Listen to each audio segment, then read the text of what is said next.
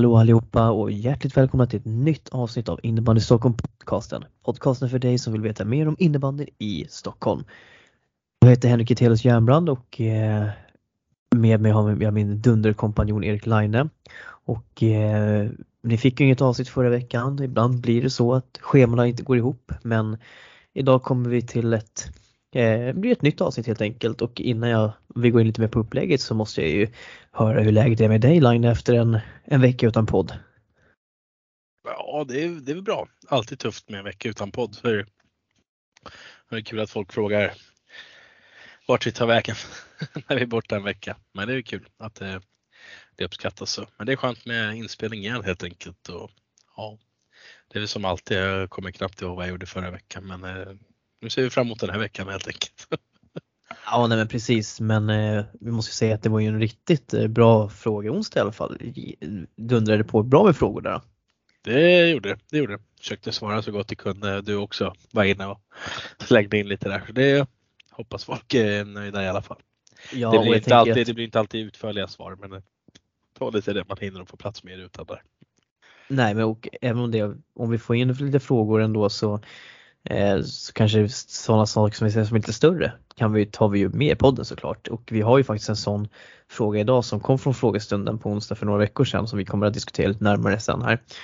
Ehm, men eh, det som jag skulle vilja kanske är att det kanske är fler från eh, seniorserierna som frågar lite om saker utan det är väldigt mycket JAS-fokus på den här frågestunderna men jag tror att det är för att JAS-spelarna kanske inte lyssnar på podden lika mycket som de äldre, tror jag. Så kan det bli. Men där missar de ju något riktigt gott alltså, så är det ju. Det är ja. bra surr i den här podden. Det måste de lyssna på. Ja, deras förlust, helt klart. Verkligen. Ja, nej men eh, det var intensiv vecka för, för jag tror det var länge sedan jag hade så, så mycket innebandy på en vecka som jag hade förra veckan. alltså inom loppet av en vecka så var det ju tre matcher. Så att eh, ja, vinst ja, mot Tyresö i DJ JAS, ruggigt fin match. Eh, topprestation från början till slut. Eh, möter Älvsjö sen i bäst i stan, åker ut på straffar. Eh, vi, jag tycker vi är klart bättre än Älvsjö hela den matchen. De lever mycket på sina allsvenska spelare som de tog med sig och jag tänker så här att det är man får göra så. De valde att spela sitt äldre lag tycker jag är helt okej. Okay. jag har inga åsikter om det. Jag tycker vi gör en riktigt bra prestation mot ett rutinerat motstånd. Det är så man får se liksom. Och Sen att domaren inte ser ett liggande spel när han står precis framför situationen, det är en annan femma. Det blir ett ganska avgörande mål när de får in det 3 mot 4 men på det taget så vi vill gå för det i förlängning och eh, man vill inte ha straff, jag vill inte ha straffar alltså jag bara kände att avgör här nu. Eh, men så blev det i alla fall. Och sen vart det ju då JAS match här igen mot eh, Sköndal. Vi ligger, de får in ett riktigt skitmål på 1-0 och eh, har 1-0 typ när det, när det är fem minuter kvar. Då gör de 2-0 eh, och sen så får de en trea också, får lite medsus på keepers mål och sen, nej jag vet inte, bara jobbig match. Det låter som en frustrerad Henrik Etelius. Coach Henrik Etelius, inte poddare Henrik Etelius. Ja men precis, nu fick jag prata om lite men jag ska, men faktum är jag ska säga att eh, även om offensiven inte var jättebra mot Sköndal så måste jag ändå säga att jag är otroligt nöjd med de tre prestationerna vi, vi, vi gjorde. Alltså det är ju fall framåt. Det har ju varit lite hattigt här och där under säsongen men tre bra prestationer ändå från olika, från olika synvinklar så att det får man ta med sig. Så det var min innebandyvecka helt enkelt. Ja, det finns ju alltid, finns ju alltid något att ta med sig, så är det Ja, men... Ja, ja, själv har man ju bara tränat lite så med Skogås blev akuten kallad igen. Glänste inte lika mycket som jag gjorde förra gången dessvärre. Det var lite tråkigt. Jag tror du sa att du glänser för alltid oavsett prestation. Ah, oj, oj, oj, oj. Vackra ord, vackra ord. kan ligga någonting i det men eh, vi ska inte ta i för mycket. I alla fall så vet du hur man blir mittpunkten på träningen. Det kan bli så. Ryktas om det. ja, Nej, det, är, Nej, men, det är eh, roligt. Vad säger du, ska vi presentera lite upp, dagens upplägg för lyssnarna då? Det eh, tycker du rätt i. Vi kommer börja med att ta lite, lite nyheter några små snackisar som vi har hört och eh, sen så kommer vi även att eh, ha två stycken olika segment där vi pratar dels om eh, vad en framgångsrik förening är och hur man, hur man mäter det. Eh, vi kommer sen att prata liksom om ledarskap, alltså hur, vilka, hur vi ser på ledarskap, alltså tränarskapet då, då i, inom innebandyn och kanske eh, vad våra förebilder har varit. Och sen så kommer vi att köra lite, lite frågestunder där vi kommer gå in på era frågor som ni ställde till oss idag eller inspel på måndagen när det här spelades in. Och eh, vi kommer inte att prata så jättemycket om serierna som har varit utan det kommer vi spara till ett avsnitt framöver här innan jul för då kommer vi gå igenom alla serierna och hur vi har tippat och bara följa upp det. Så eh, det är dagens upplägg. Hur känner du kring det Line? Ja men det låter väl bra. Låter väl bra. Snyggt. Vi ska också på, säga att vi, vi skulle ha varit fyra stycken från början men eh, Ströbel blev sjuk och eh, Stoffe var tvungen att kasta in handduken av privata orsaker så att eh, ni får dras med oss två ja. helt enkelt. Riktiga glaslirare helt enkelt alltså. Ja. ja det är sådana man inte hade velat haft i sitt lag egentligen. Bara kasta in mm. handduken sådär. Det går inte. Ja, nej men precis. Men eh, vi kör några korta, korta snabbis nyheter här då. då.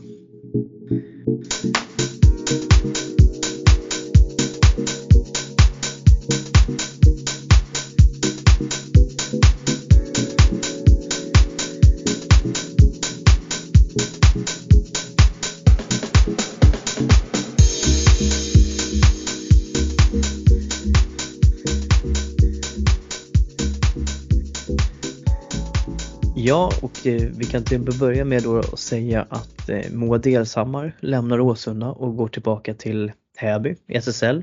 Och eh, det började ju bra. Hon drog in, jag vet inte om det var en, ett eller två mål redan i första matchen med Täby här. Och eh, det är kul att se Delshammar tillbaka i SSL. Det är en spelare som hör hemma där och eh, som ger rikt, bara gör Täbys bredd mycket, mycket bättre. Det, det märks direkt att det är en rutinerad spelare som kommer in där.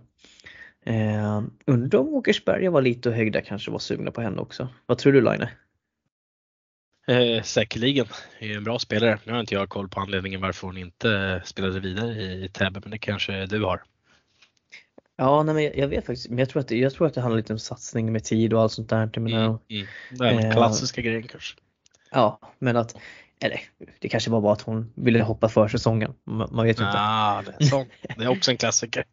ja, men med det sagt, det, jag vet inte riktigt anledningen där bakom mm. men eh, det är kul att se henne tillbaka i alla fall med Täby och SSL. Oh ja. Helt oh ja. klart. Verkligen. Och apropå SSL så fick vi, nåddes vi av nyheten här nu under veckan att eh, AIKs må, första målvakt Jonathan Hjelm är skadad och eh, det gjorde att AIK kanske inte kände fullt ut att lita på Edvin Perry och eh, Sebastian Svensson i målet. Så man värvar Hammarbys målvakt från division 1, Christian Edeborn. Och eh, där känns det som att han nästan blir unik i innebandy Sverige att ha representerat både då Hammarby, Djurgården och AIK. Eh, och som jag förstår så rör sig inte om någon dubbellicens utan de köper helt enkelt ut Edeborn från Hammarby. Hur eh, ser du på den här värvningen Line? Du var ju ändå där och eh, du, du avslöjade den till och med. Ja, man gjorde väl det. Jag hade fått lite nys om det men det kan man ju inte lämna ut varifrån. Men eh, ja, hoppas inte AIK blev alltför arga för det. Men det är lite sånt vi sysslar med ändå. Slänga ut lite nyheter innan det kommer ut. Så är det. Nyhetsmedia eller vad ska vi kalla oss.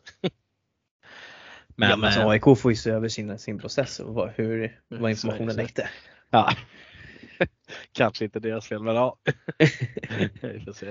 Eh, nej, men det är kul värvning som du sa. Intressant att han har representerat alla tre vad ska man säga, stora Stockholmsklubbar som är derbysammanhang. Då. Men eh, hade ju en duktig målvakt. Jag ska väl inte kalla mig att jag var målvaktskollega med men jag var väl uppe och tränade i Haninge när han var där, eller Handen IBK som det var först. Och jag såg ju redan storheten då hur duktig han var yngre dagar och tänkte ja men den här killen borde väl spela SSL om dagen men det har väl dröjt ett tag om vi säger så. Eh, eh men, han behövde bara lite line, lite line eh, bundis där i Haninge för att det skulle ja. ta fart.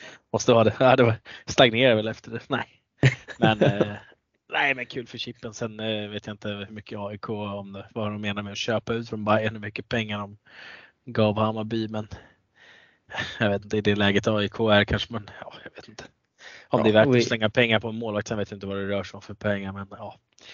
Eh, jag förstår värvningen. Eh, det var länge sedan Chippen kanske spelade på sån hög nivå men jag vet ju vilken potential det finns i honom så ja, jag tycker, mm. det, jag tycker det ska bli kul att, att se honom. Sen ja, det, vi får se hur det går framledes men absolut ja. kul för Chippens del. Bra målvaktsuppsättning nu. Kan man lugnt säga. Mm. Och med det, ja och apropå Christian Edeborn så fick han också fira vinst i sin eh, debut då AIK gick in och slog Dalen med hela 7-5 och således ta sin första trepoängare i SSL för säsongen 2022-2023. Vi gratulerar AIK så mycket till den vinsten och eh, hoppas att fler kommer så att de ändå får hålla sig kvar i SSL. Stockholm behöver det där SSL-laget även om det även både jag och Line har våra sympatier kanske i, eh, i en annan valör i, i Stockholm. Men eh, för Stockholmsklubban är det viktigt. En annan sköld. En annan sköld. ja, viktigt att påpeka. Mm. Eh, och eh, apropå Christian Edebord igen så kan vi då också säga att i herrettan så var det två resultat som stack iväg ganska rejält i helgen. Det ena var Tyresö som slog Balrog med 15-6 som jag inte missminner mig. Och eh, sen så var det ju då Sen var det just eh, Hässelby-Hammarby där Hammarby åkte på stor förlust i första matchen utan Edeborn. Och eh, jag tror att det, om jag inte missminner mig nu, Ibis har ju legat nere så att om jag inte kommer missminna mig så blev det 15-3 i den matchen till Hässelby. Ja, det går säkert att kolla upp lite snabbt. Du, du, du, Ska vi se vad det står. Ja, 14-3 blev det. Ja, 14-3, så nästan rätt. Yes, det var nära du. Var inte dåligt. Nej, men eh, och sen vill vi då också passa på att gratulera Åkersberga som gjorde slarvsylta utav Karlstad helt enkelt på bortaplan i helgen och tog tre nya poäng. Vilket gör att de faktiskt nu också tar sig upp över nedflyttningsstrecket. Och eh, vi skickar med alla gratulationer till eh, till Åkersberga. Ackers, Ackers.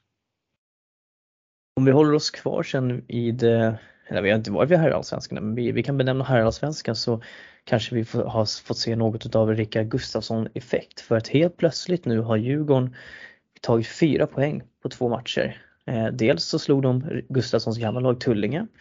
Eh, ganska imponerande steg att komma tillbaka ur underläge för att ta tre poängar. Eller inte komma ur underläge, de tappade till 5-5 och reste sig igen, vilket var starkt. Men sen lyckades de även bärga en poäng mot Bele Barkarby på bortaplan. Och eh, Line, vad är, vad är det med ja, Djurgården? Uh, jag vet inte fan, tänkte jag säga. Det är ta mig fan helt sjukt ta poäng mot Bele Barkarby för att vara Djurgården. Det är samma spelare. Ja, det är, det är väl, se.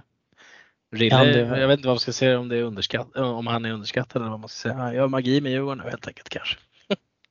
Kan man, Nej, men jag vet vågar man, eh, kanske finns det någonting i det som Granlöf svingar dem i innebandymagasinet kanske? Ja, kanske.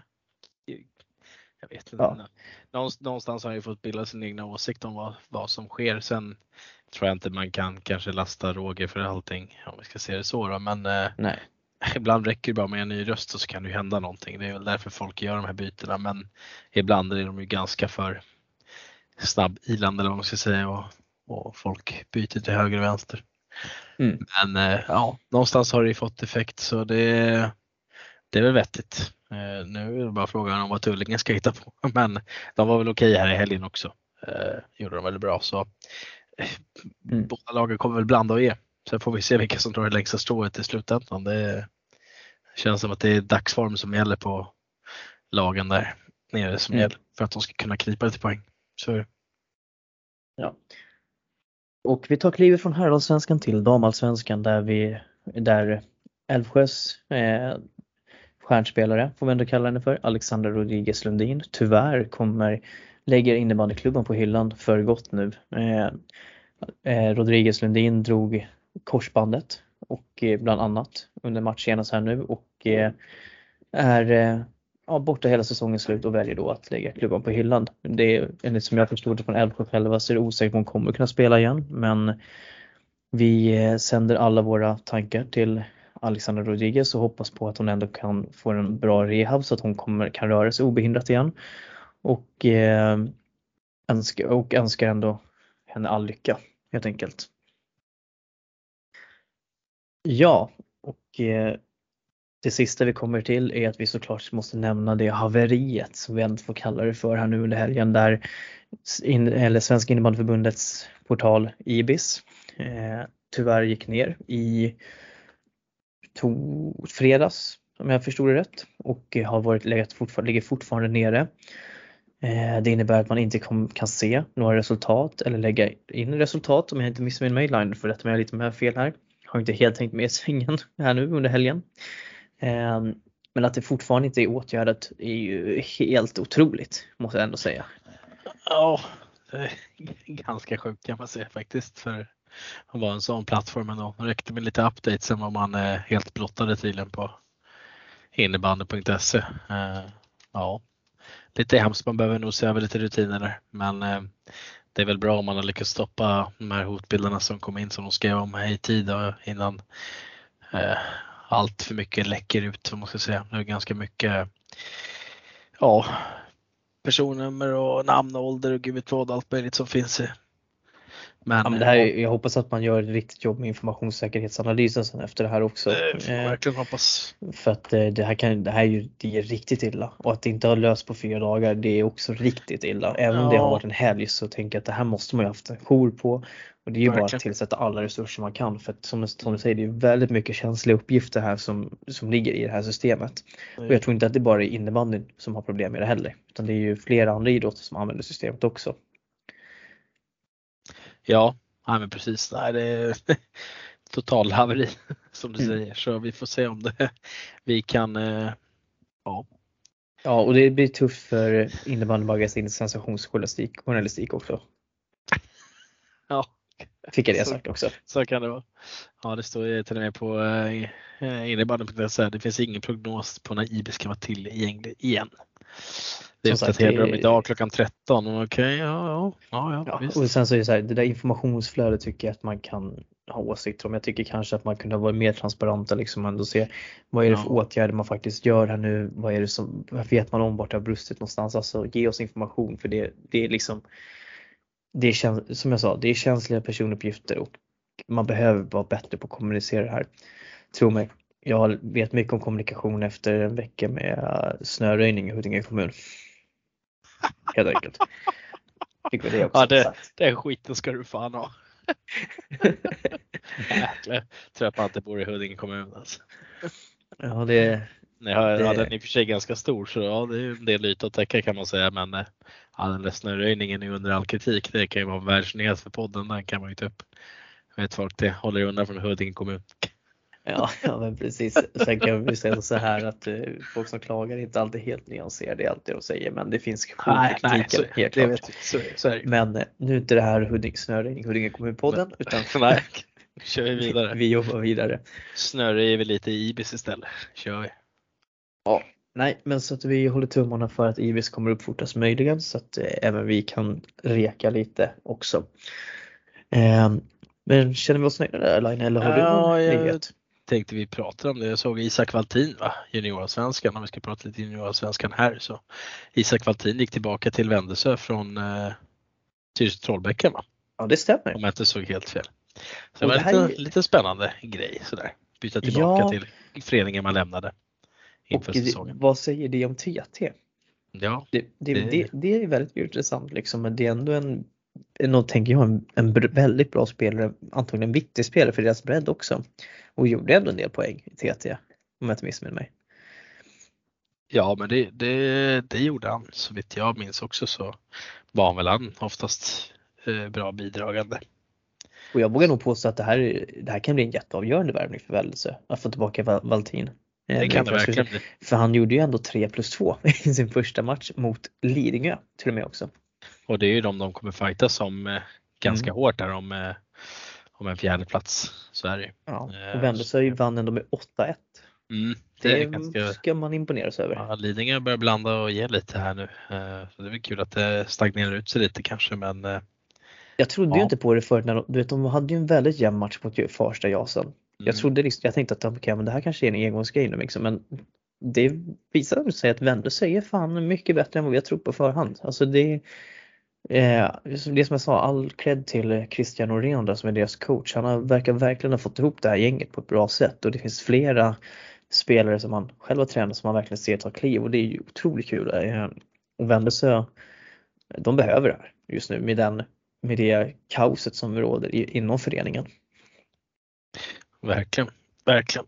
Ja, ja. Nej, vi får se nu. Nacka går också bra och starkt här. Djurgården eh, tappar av lite så det, ja, det kommer bli en intressant eh, serie där i slutändan. Jag träffade på Christian Norén jag var och tittade på fantastiska Elitfyran. Det var faktiskt Nynäshamns IBK mot Vändösö IK. Herrlaget ja. där. Så fick ju se Andreas Franke spela till exempel. Oj oj oj. Och Jackie Jönsson. Ja, inte dåligt. Ja, han var en rafflande tillställning kan jag säga. Kalle Laine var nära på att göra poäng. Men de vann så nu är jag glad igen, det ska jag hälsa. Är du, är du, är du liksom Kalle Laines största supporter när du är på matchen och kollar? Eh, ja men det måste jag väl ändå vara, tycker jag. Ja, förutom hans son kanske som är där och tittar ibland också. Ja, den är svår och hans sambo, den är svår att slå såklart. Men sen därefter då kan jag komma så. Men jag är nog den som ställer mest krav på honom kanske också när jag är där. Så Ja, helt rätt. Man får inte skälla för mycket på honom. Är, du, så. är det så här att du står i, när han går ut mot omklädningsrummet, då går du där och stör dig? Ja, Hur gör du så här? Då kommer jag, lägger axeln runt om honom och så ger man några goda tips. Bästa är om man plockar upp en coachtavla också och bara ritar lite. Kommer ju medspelarna undra vad fan det är som sker. ja, Nej. precis. Nej, ja, men, men, eh, det, det var den innebandyn jag tittade på. Det glömde jag säga i början faktiskt. Så det är väl lite det jag tittar på. men det var ja. kul ändå. Mm. Men eh, Ja. Mm. Har du någon så. annan nyhet Linus som du vill lyfta eller ska vi lämna Nej, det därhän? Nej men där lämnar vi det tror jag och kör vidare helt enkelt. Då rullar vi vidare.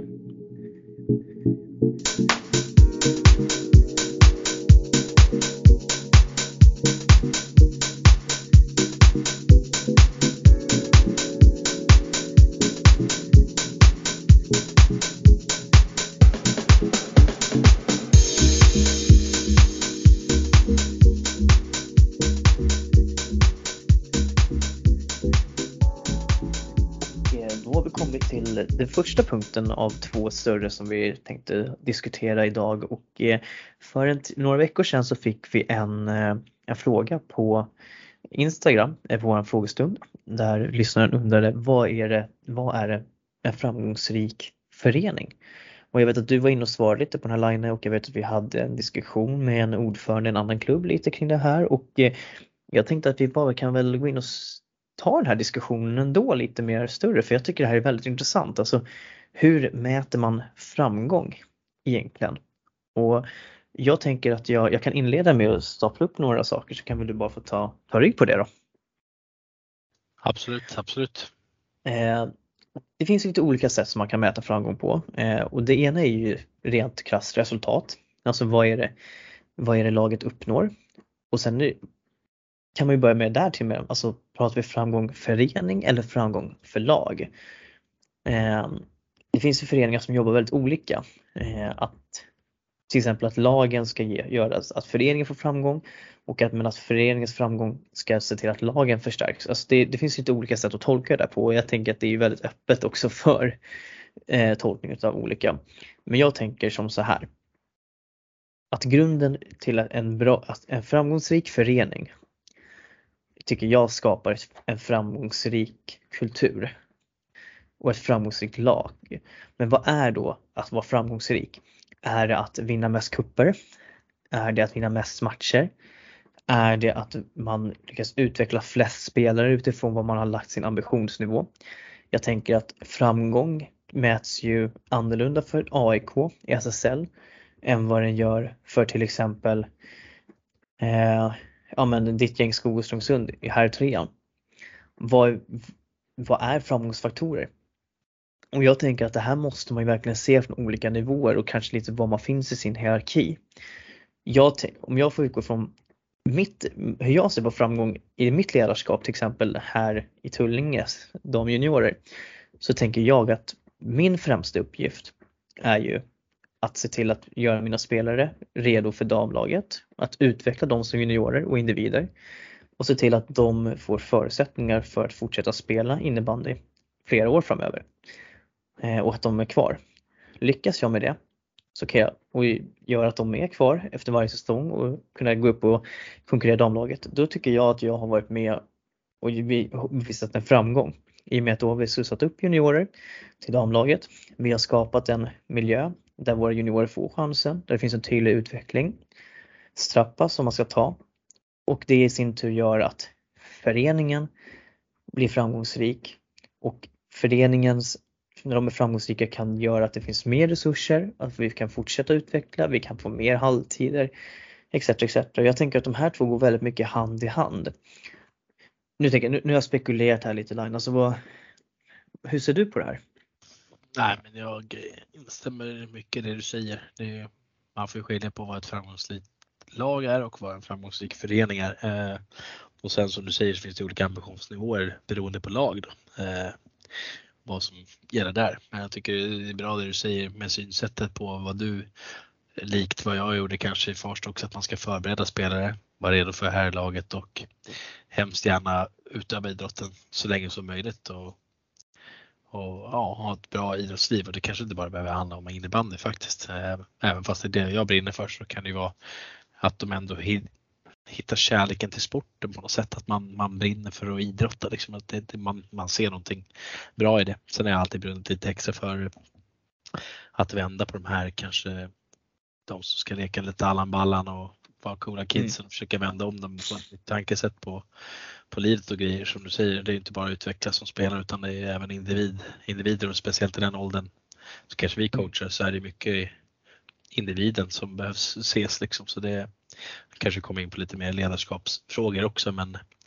men om vi går över till föreningen igen som du säger, det, där handlar det om att skapa kanske en bra grund att stå på och kanske utöka medlemsantal som du och, och att få folk att stanna kvar i föreningen. Men då gäller det att man har förberedelser och lag till att kunna behålla spelare också så att de inte flyger iväg någon annanstans om man vill utveckla föreningen på så sätt.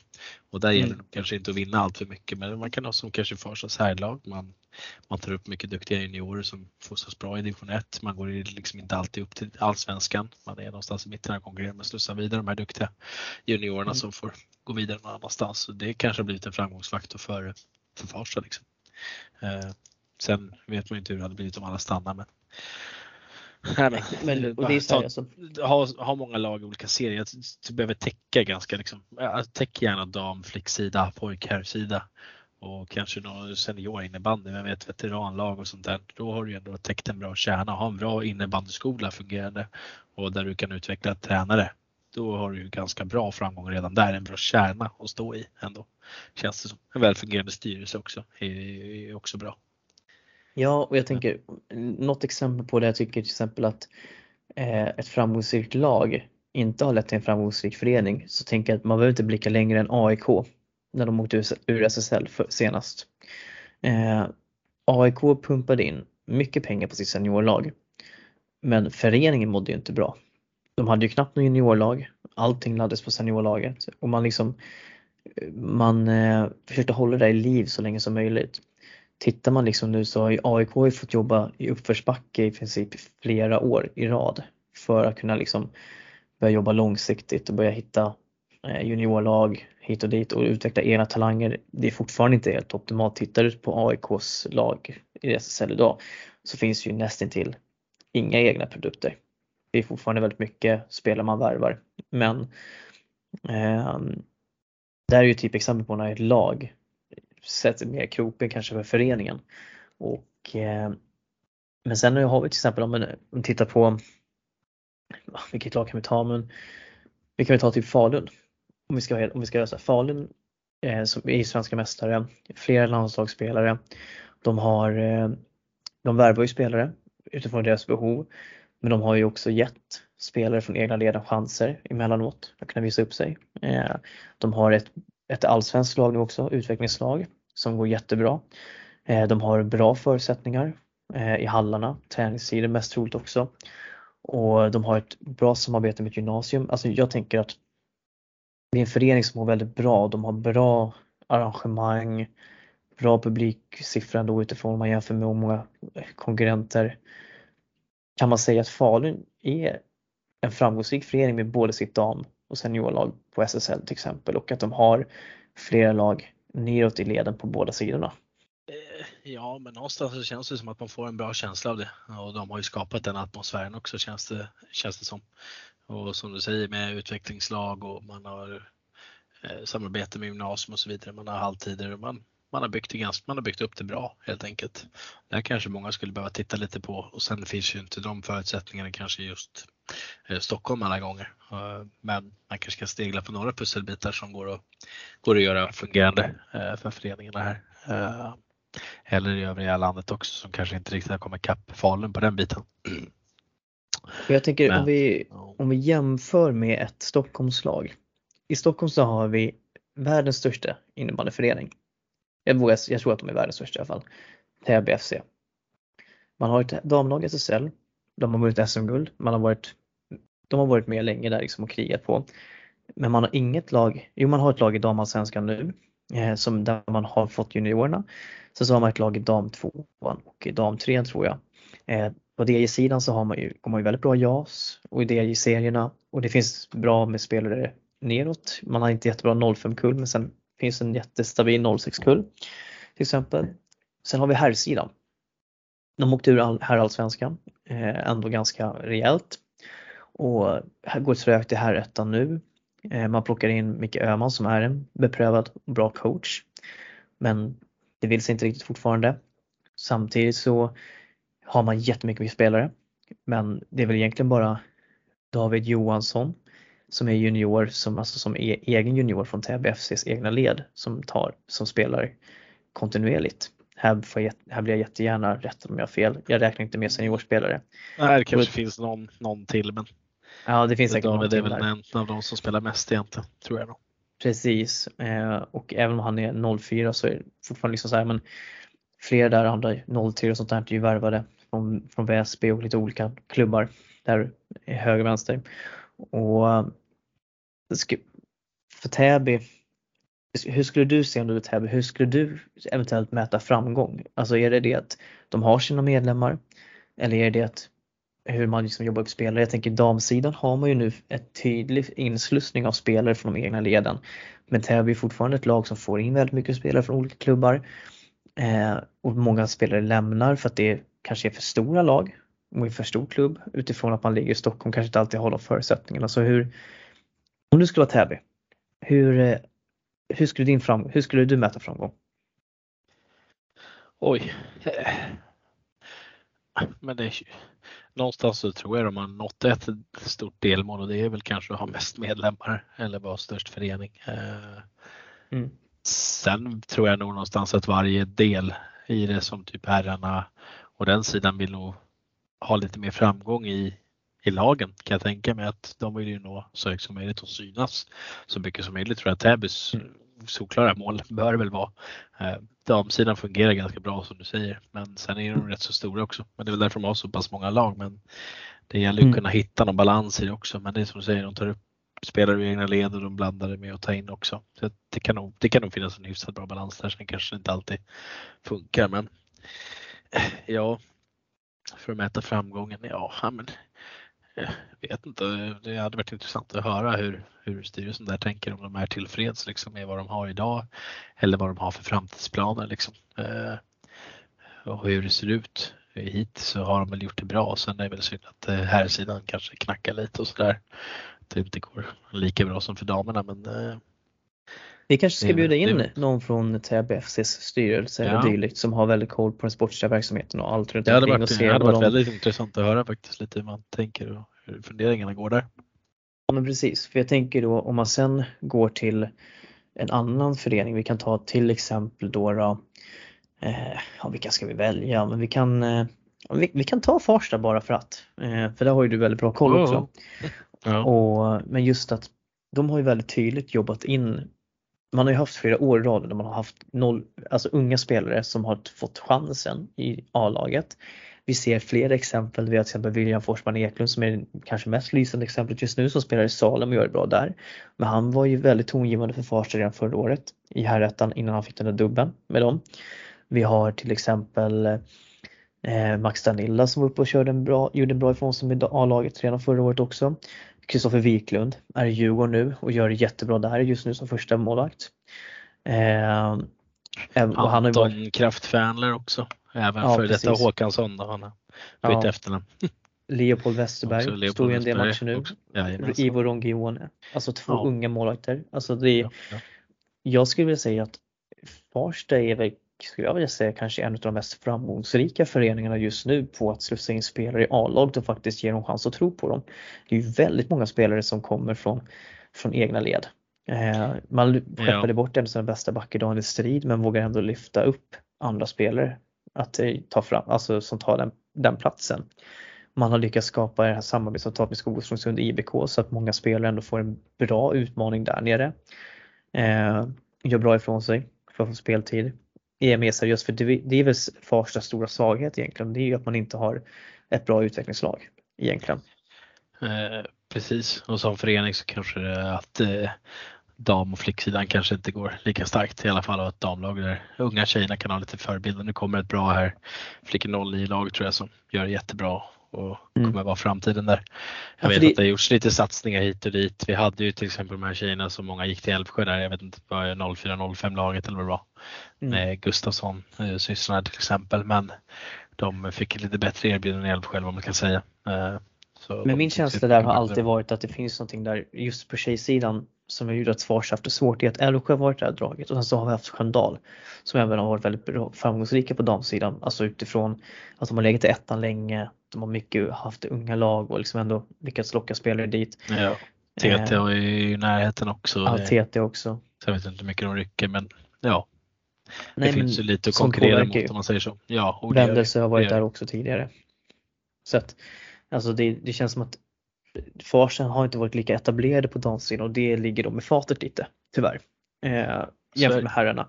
För där känns det som att man har väldigt bra tillströmning ändå. Herrarna ska nog vara glada att man har haft en bra juniorverksamhet. Ända sedan jag var där för åtta år sedan ungefär, var det 2014 kanske något sånt där. Eh, på hösten där kanske jag kom in, kommer inte ihåg. Men eh, ända sedan dess så lyftes det upp. Det kom ett litet generationsskifte där också Eh, med mm. många 80-talister som slutade och stöttes bort lite.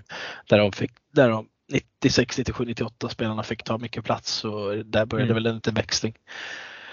Och ända sedan dess så har väl Farsta haft svårt att värva ändå tycker jag spelare utifrån som har kunnat stärka laget för att ja, ta den där kanske sista klivet i Allsvenskan. Men, Men där är då, var ganska glada att man haft en bra juniorverksamhet och då det har ju ändå lockat spelare också för att stärka juniorverksamheten så det är ju både på gott och ont kanske man ska se det. Mm. Eh, det är den där lilla blandningen. Så är det. Farsta har ju, jag tycker ändå att division 1 har varit bra för dem att ligga på den nivån. För att alltså utveckla ja, spelare. Men det har det. Och, ja men det har det. Och sen så bra ändå, tror jag. Tittar man nu så har man ju ändå ett par spelare som ligger uppe i Allsvenskan och kör med Pontus Sjöström till exempel i Tullinge, man har Nisse Tomasson, även fast de kanske inte kom, Nisse Tomasson kom ju från Tungelsta från början men ändå liksom har ändå varit majoritet av sin tid i Farsta. Och Bilbo Moras. Och, och Haninge först också en bit. Ja, Haninge också där ja. Alltså, så att jag menar. Farsta har ändå liksom gett möjligheter till spelare ha klivet högre upp i banan. Kristoffer Wiklund som sagt gjorde en jättebra säsong förra året. Eh, William Forsman Eklund nämnde vi liksom till exempel så att jag menar det, det har ändå fungerat bra. Jag menar Farsta kan nog ändå liksom tycker jag jag tycker de ska ändå kunna vara nöjda med vad de producerar uppåt i seriesystemet också och vad de bidrar med till Stockholms innebandyn i den, i den delen. Men det, tycker jag... det, det har väl blivit en liten identitet på, på senaste åren tycker jag som har utmärkt mm. ganska bra och då vet ju många unga spelare att man gärna får chansen att det finns en bra juniorverksamhet och även att man samarbetar bra där.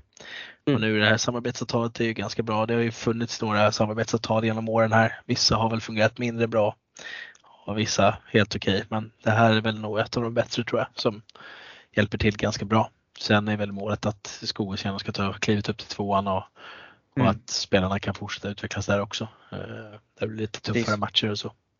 Sen är, sen är trean inte jättedålig heller. Men Nej men det är klart man vill ha ett lag i tvåan. Så, så det blir en, det är en helt annan sak egentligen också. Oh ja, oh ja. Men eh, jag tänker som så här Line, jag tänker, nu har vi diskuterat och filosoferat kring det här med framgång och jag tänker att vi kan väl vi kan väl dra ut en sån på eh, vi drar ut en sån fråga kanske om att eh, ja, men vad tycker andra är, hur, hur ser folk på framgång så kan vi ta och upprepa det här sen lite i podden på måndag. Vad folk har sagt. Verkligen. Och så tänker jag att vi går in på vårt nästa segment helt enkelt. Mm, det låter bra. Grymt, då rullar vi vidare.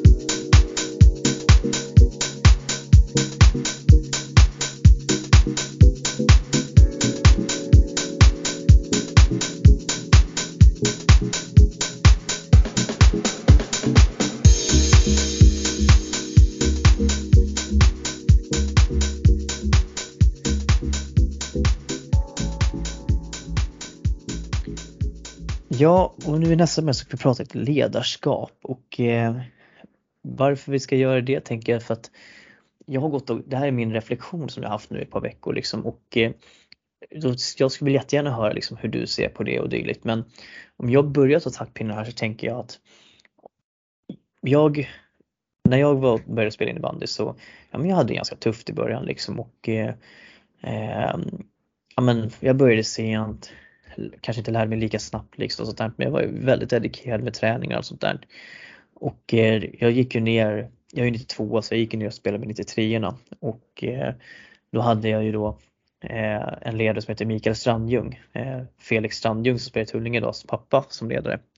Och han var ju en sån ledare som såg alla, alltså, eh, alltså varenda spelare som individ och jag kommer ihåg så tydligt när han ja, men jag hade tufft liksom med att få till avslut och sådana här saker och han tog sig verkligen tid mitt under träningen bara ställa sig på sidan med mig, ta fram ett mål och liksom jobba teknik, skottteknik och tänk på det här, tänk på det här. Alltså han tog sig verkligen tid för varje spelare under träning och på sidan om träningen och kunna prata med en och gav en ändå chans.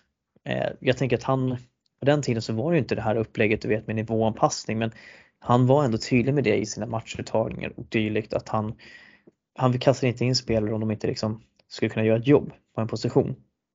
Och eh, jag har ju alltid sett, sett upp till honom. Nu gick han ju tyvärr bort för några år sedan, eh, vilket, var helt, vilket var hemskt men eh, fantastisk människa och ledare som jag alltid kommer ha som en, som en ledarförebild.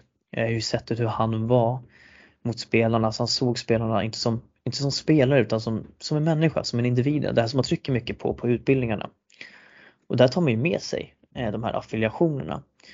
Och det som jag ser idag eh, är, om man tittar på speciellt juniorinbandy som man ändå är tillbaka i och som jag tycker ändå alltid har varit viktigt, det är just det här eh, du kan göra mycket på träningsplanen eh, men det här samtalet och den här kommunikationen som du ska, måste ha med dina spelare som ledare, den är så otroligt viktig för att bygga den relationen.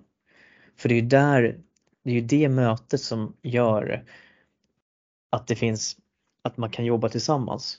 Och jag menar, kan jag sitta genom att ha en tydlig dialog med mina spelare med vad som förväntas av dem, både som individ, som spelare och som människa, så tror jag att det finns ingen bättre utveckling. Och det gör att man också bygger ett, ett lag där det finns en vilja att utvecklas och där man tycker att det är kul och att man klarar av en konkurrenssituation. För jag tror att det är väldigt många juniorer som har tufft med konkurrenssituationen där uppe när det blir ja, lite mer så att man, man ska vin, eh, träna för att vinna och verkligen, där det gäller att vinna varje match till exempel. Eh, jag spånar bara lite så här, men alltså vad, vad, hur ser du liksom på ledarskap? Alltså vad är det som gör en, vad är en bra tränare för dig Laine? Oj. eh, ja du, jag har väl inte som dig. Eh, jag hade väl ingen eh, eh, coach som pappa Strandjung som var en fantastisk människa som du sa. Jag anträffade på honom lite grann när Felix var i Haninge FBC och spelade också och morsade på honom på läktaren och han var en superfin människa. Så synd att han gick bort. Så, men jag började med innebandy ganska sent. Jag var ju 16 år när jag började. Jag var ju fotbollskille från början och eh, man hade ju någon polares farsa i laget som var med. Jag hade väl en, en tränare i fotbollen, Gunnar tror jag han hette. Han, han, var, han var duktig på att se individen. Han kunde skoja och, och visade saker teknikmässigt som var ganska värt för en. Och jag tror att det du nämner att man tar sig tid som eh, eh, pappa Strandjung gjorde liksom och, och ställer sig på sidan och man tar sig lite extra tid för varje spelare och lär känna dem lite på djupet. Man kan prata lite. Det, sen ska man väl även kunna förmedla någon, någon, typ av kunskap. Det behövs ju ofta som man ska utvecklas men det räcker med att ha det samtalet som du säger tror jag kan ju göra ganska mycket. I alla fall för yngre spelare. Eh, sen kanske det blir lite helt annat desto mer man går uppåt i åldrarna. Den, de åldrarna jag har coachat eh, är väl ganska mycket att man ska hävda sig och sådär. Man har svårt att ta konkurrenssituation som du säger. Så att kunna tackla de bitarna och förklara syftet med saker och ting så att de förstår och ha en bra dialog. Det gäller verkligen att se alla i ett sådant sammanhang för annars kommer det vara ganska svårt och folk trillar av liksom och, och kommer inte tycka det är kul att fortsätta. Så ja, det, det, det är en stor fråga med många svar men eh, ja, prio ett är väl kommunikation. Sen skulle du kunna förmedla någonting också. Eh, så är det ju. Sen ska man kanske inte heller alltid mm. ta sig, ta sig själv på för stort allvar tror jag, för då blir det lite för, för hetsigt. Det är väl kanske min mm. främsta egenskap kanske. Eh, de ja. flesta lär väl kanske komma ihåg mig för mm, att jag skojar runt men ja. Men sånt är viktigt också. Alltså det är också en typ ja. av ledarskap liksom, för att det gör att gruppen mår bra och presterar bättre. Och sådär. Så jag hoppas alltså, att eh, mina juniorer jag haft att de att det finns någonting som jag sagt som de kommer komma ihåg liksom i livet. För ibland har man sagt ganska seriösa saker. Jag hoppas att eh, mm. vissa mm. saker etsat sig fast ändå. Liksom. Eh, jag har gjort ja, det värt det liksom. Alltså att alltså, träna och leda på planen är ju en del. Men det är ju bara en del av flera beståndsdelar i ledarskapet. Sen så kan man, sen kan alla olika syn på ledarskap vad man ska göra. Men jag tänker att till exempel som juniorledare så ska ju ditt primärmål vara ju att utveckla spelare tycker jag. Alltså jag tycker att resultatet i en match får inte liksom påverka det långsiktiga utvecklingsarbetet för det är det som vi som ledare på juniorlag så måste ju din ambition och roll vara att se till att förbereda dina spelare på nästa nivå och se till att de är införstådda liksom med vad det är som händer. För att du får tänka, man får tänka så att en junior som går från junior till A-lagsålder helt plötsligt så går du ner från att ha haft kanske tre, fyra matcher i veckan till att ha en, kanske på sin höjd två. Om ens det. Eh, det är ganska stora skillnader eh, också. Så där är ditt ledarskap jätteviktigt. Och ner i åldrarna så är det ännu viktigare liksom med att ha en pedagogisk ledarstil. Och liksom verkligen se de, de här barnen och möta dem på deras, på deras eh, planhalva helt enkelt. Men jag tänker, jag tänkte jag skulle, jag tänker så här, man, man pratar mycket när man pratar ledarskap om att vara tränare på träningar och hålla träningar och övningar. Sen pratar man om att vara matchcoach. Alltså att det finns två olika typer av tränare. Och eh, jag tänker så här att varför ska man egentligen bryta ner de här två? Bara för att du kanske inte matchcoachar lika mycket betyder inte det att du är en dålig tränare. För att nu ska jag dra en referens här till en till en till DIF-podden då. då. Eh, de intervjuade Djurgårdens tränare Kim Bergstrand. Och jag tyckte han sa en sak som jag alltid har tagit med mig ändå och funderat väldigt mycket kring. Och det är ju när du när man har en periodpaus till exempel och eh, du märker att det är någonting som kanske inte riktigt klaffar och funkar. Då är aldrig nyckeln att gå in och säga att ni ska göra si och så och så och se si och så. Utan jag tror att där kan vi ledare ibland vara lite snabba.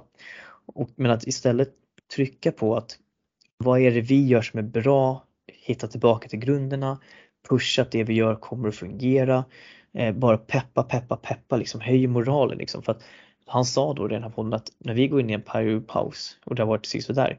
Det handlar inte om att vi ska sitta och ge nya direktiv eller göra massa förändringar utan det handlar om att pusha och trycka spel, spelarna åt rätt håll rent mentalt så att de kan gå ut och prestera.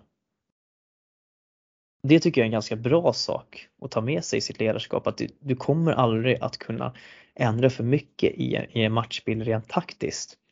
Utan det är nästan, matchcoaching handlar om vem är det som motiverar spelarna att bäst göra sitt grundjobb. Och att det stora jobbet behöver du lägga på träningarna och där förbereder de taktiska direktiven så att spelarna blir vana och införstådda med vad som förväntas i olika situationer. Nu raljerar jag en massa här. Vad tycker ja, Håller du med Line? Äh, det gör jag. Äh, verkligen. Jag tycker det låter vettigt. Äh, det är väl lite så jag ser på det nu också. Eh, jag tror inte det går att ändra alldeles för mycket i en periodpaus. Eh, jag blickar väl tillbaka lite hur vi har jobbat i Farsta liksom. Vi, vi har haft en liten blandning. Vi har ändå varit ett antal ledare så vi har alltid haft någon punkt själva vi kommer med och sådär. Jag har väl varit mycket på den här pusha-biten. Jag går väl in och frågar hur det känns innan de andra tränarna kommer ibland och sådär för att diskutera lite vad som fungerar och inte på plan. Och det brukar killarna gilla att diskutera. Jag har alltid velat slänga ut den bollen till dem. Jag vill att man ska diskutera i sina femmor vad som fungerar bra och mindre bra. Sen kanske man inte kommer kunna ändra på allting som du säger.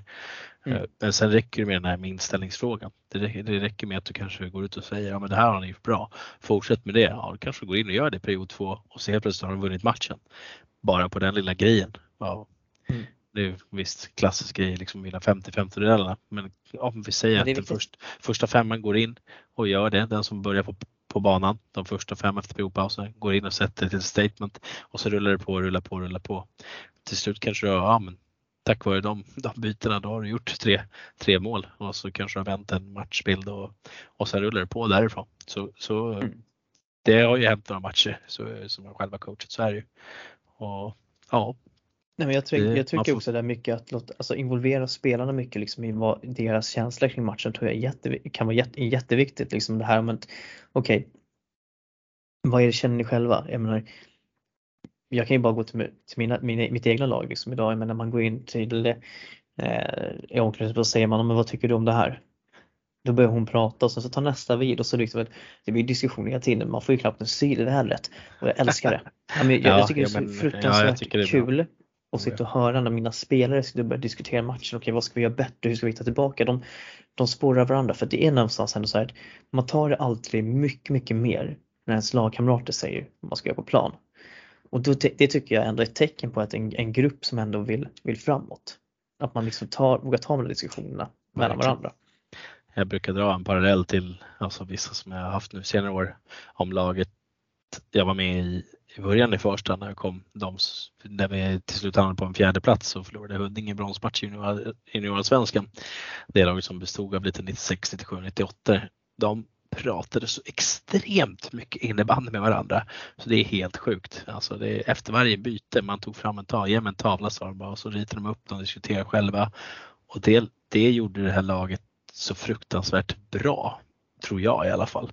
Sen kanske inte det funkar för alla med att sitta och plottra men de sporrade varandra som du sa. De, de, de, de ställde krav liksom och, och därefter gick man och körde liksom. Och, att det, var, det var en stor framgångsfaktor för det laget. Eh, visst, jag tror att det skulle funka för flera. Eh, att man liksom lär sig att prata om spelet själva också. Att man inte bara sitter och lyssnar på direktiv från en tränare. Det tror jag inte alltid kommer funka. Liksom. Det kanske funkar ja. på vissa lag men verkligen inte alla. För vi tränare, vi, vi, är ju de, vi ska ju, vi ska ju ge ja. spelarna verktyg. Vi är verktyg, exakt precis, får de öppna själva och gärna använda verktygen. Men jag tänker så här. Eh, nu har vi pratat mycket om hur vi ser på ledarskap och, liksom, och hur vi, ja, men vad vi tycker om det. Ska vi göra som så att vi efter frågestunden på torsdag, när frågestunden är klar på torsdagen, ska vi lägga ut en ny där vi låter folk få skicka kärlek till, ja. till ja, men skriva, ge kärlek till sina till ledare. Alltså vilken, vi lägger ut en fråga där, vilken ledare skulle du vilja ge lite extra cred för? Och eh, eh ja. det gör man ju helt anonymt. Eh, men eh, det, tycker, det kan vi väl bjuda på för alla dessa ideella ledare som verkligen ställer upp och åker runt Stockholm runt i hallar och lägger all sin tid på, på innebandyn. Det låter verkligen bra. Vi brukar slänga ut frågestunderna på onsdagar ibland men nu får vi se när podden släpps så kanske vi drar ut den första blänkaren om eh, framgångsrik förening eh, först då. Kanske vi tar ledarna på torsdagen efter det. Vi får se. Ja, Vad som funkar bäst får vi se. Så slänger vi ut det på ja. frågestunden där och det så får vi dela era tankar som ni skriver. Det blir ju anonymt när vi delar svaren på Instagram också om ni vill hylla någon lite snabbt så får ni gärna skriva varför och sådär. Men det, det, kan vi ta mm. då. Det låter som ja. en jättebra idé. Grymt. Men med det sagt så stänger vi ner segmentet och rullar vidare.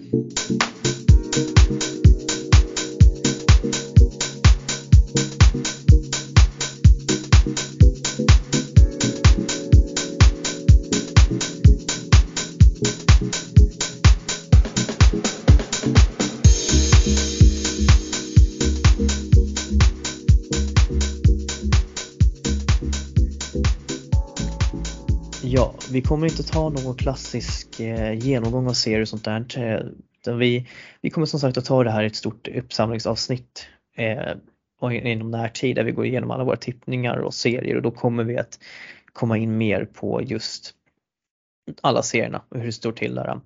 Men eh, vi ska däremot gå in på de frågor som ni har ställt till oss inför dagens avsnitt. Och eh, jag tänker att Laina, att du kan ju få leda frågestunden här nu då. Helt enkelt. Ja men absolut, det kan jag göra.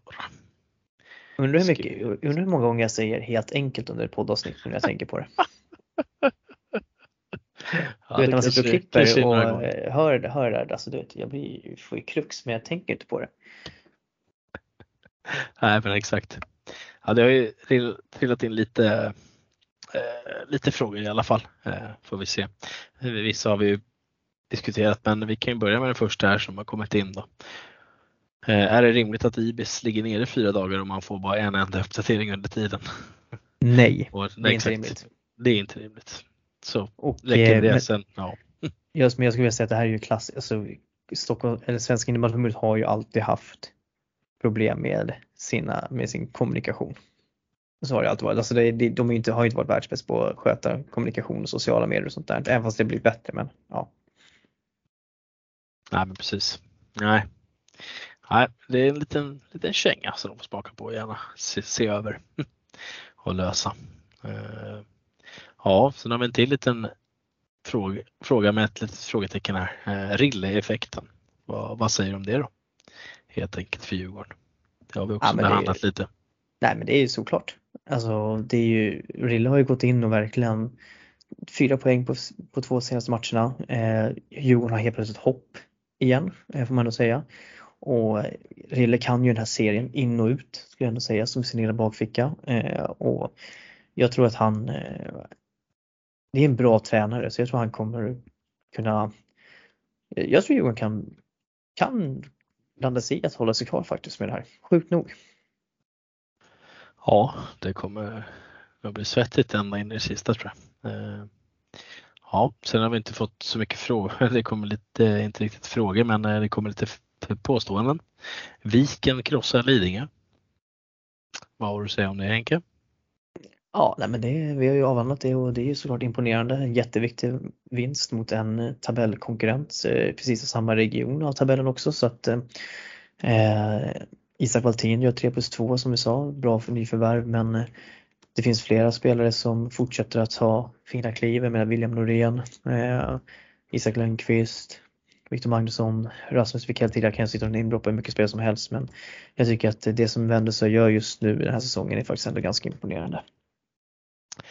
Eh, faktiskt utifrån förutsättningar så är det ett av lagen som absolut ska hyllas. Så är det. Ja. Eh, sen är det någon som gärna vill att vi pratar lite Väsby JAS. Eh, jag vet inte vad det finns så mycket att säga där. Man ligger näst sist. Man har en eh, målskillnad på minus 27 och tagit fyra poäng då. Eh, Men man har fått tillbaka Wille Låredal? Det har man. Det är ganska sjukt nog.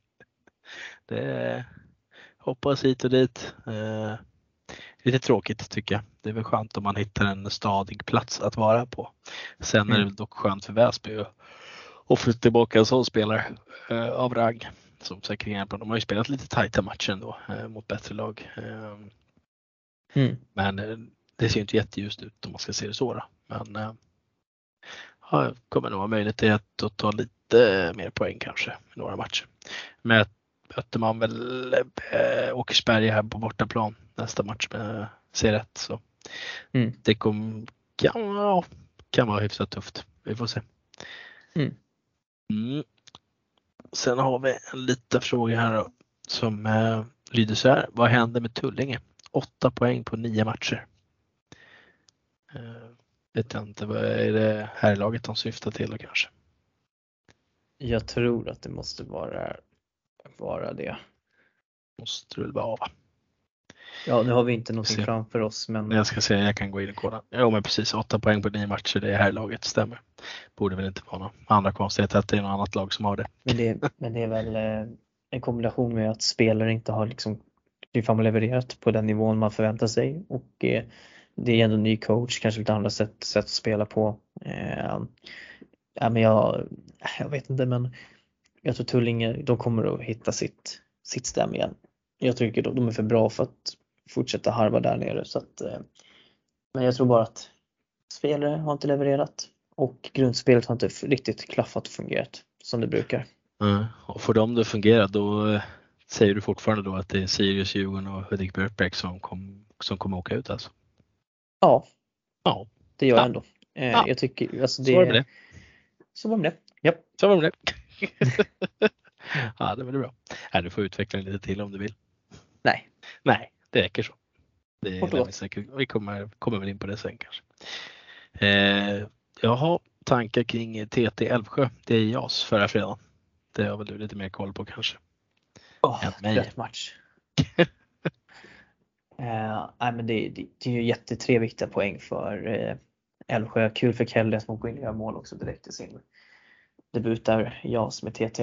Eh, och, ja, det blir, det blir tajta till som den där fjärdeplatsen. Eh, Eh, nu när vi torskade med Sköndal också med Tullinge. Men, eh, ja, men viktig, viktig match för Tyresö, eh, tre poängare och eh, ja, Älvsjö. De står ju och faller med Elin Persson i målet. Sen jag men de släpper bara in tre mål men gör bara ett framåt. Men Elin Persson är sjukt bra just nu i målet för Älvsjö, helt enkelt. Det är väl den kort, min korta analys. Mm. Mm. Tackar för den. Tackar för den. Ja, så jag vet inte om vi ska behandla frågan så mycket men eh, hur kan det gå så bra för Vändelsö? Och då det syftar man ju på JAS-laget då. Isabo. Ja. Nej, men det är ju det är bra grundspel.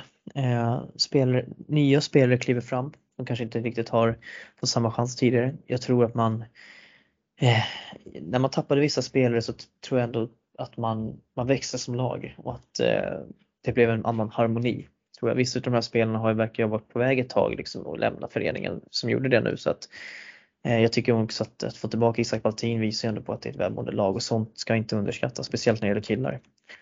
Eh, och sen har man en duktig tränare, Christian Norén också, vi kan inte nog med hylla honom.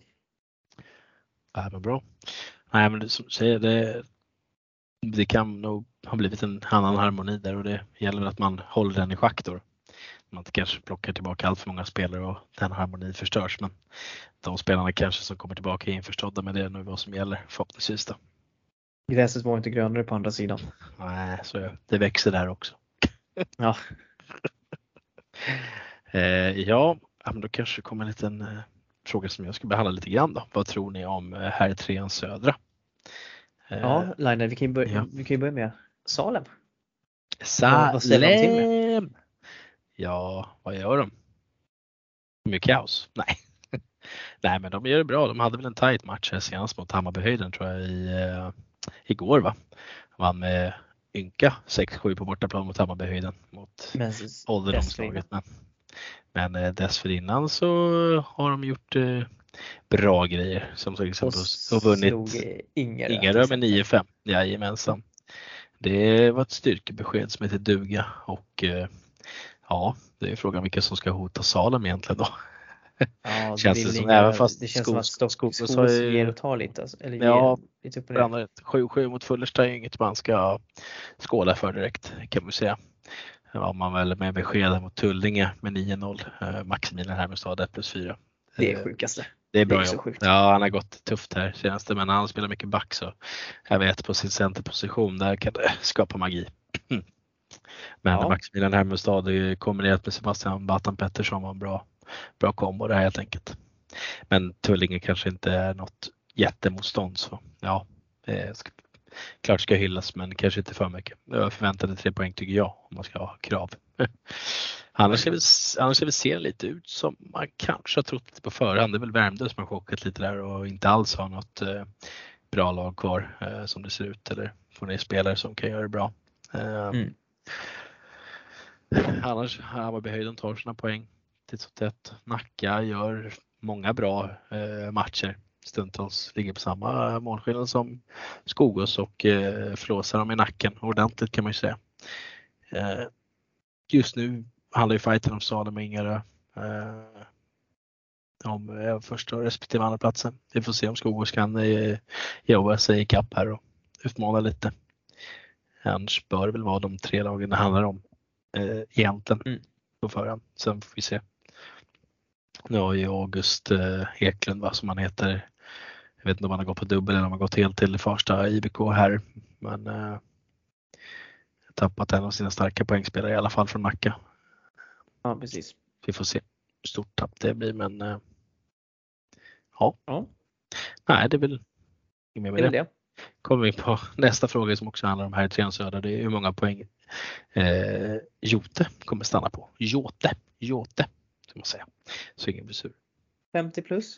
Eh, 50 plus, ja vad ligger han på nu då? Ja, jag har inte det framför Han, mig. han, men- ligger, han ligger på 30 poäng på sju matcher. Ah, Okej, sorry. Vi- trett- Säg 70 då. 70 poäng. Ja det är väl halva, halva Han serien kvar så ja. Nej, men han är ju för jävla bra. Alltså så enkelt är det. ja. Eh, nej, men jag tror, jag tror ändå att det blir, han kommer att stanna där runt 50-60 poäng snåret om han Ja. fortsätter som han gör nu tror jag ändå. Jag tror det är rimligt. Verkligen. Jo men spelar han alla matcher som kommer så lär han ju börja nosa där på 60 poäng. Mm. Helt klart. Så är det. Så det, det är väl vår gissning helt enkelt. Ja, Eh, ja. Eh, ska vi se, det var mycket Vändelse, Lidingö och tanke här. Det men det har vi gått igenom. många, många, många, många Vändelse-spelare som har fått lite luft där kanske. Ja. Många som vill höra, många som vill hyllas. Eh, men då går vi väl till eh, sista frågan då, som handlar om eh, för tanke kring Djurgården-Nacka. Ja, matchen som var i helgen. Där Mm. blev det väl 6-6 va? Om jag inte minns fel. Kan det vara så? Ja, det stämmer. Ja. Igår va?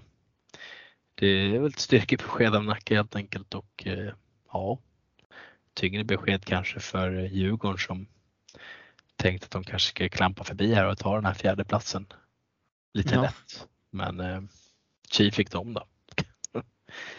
kanske. Men eh, ja, jag vet inte, jag har inte hört så mycket mer från den här matchen men eh, Nej.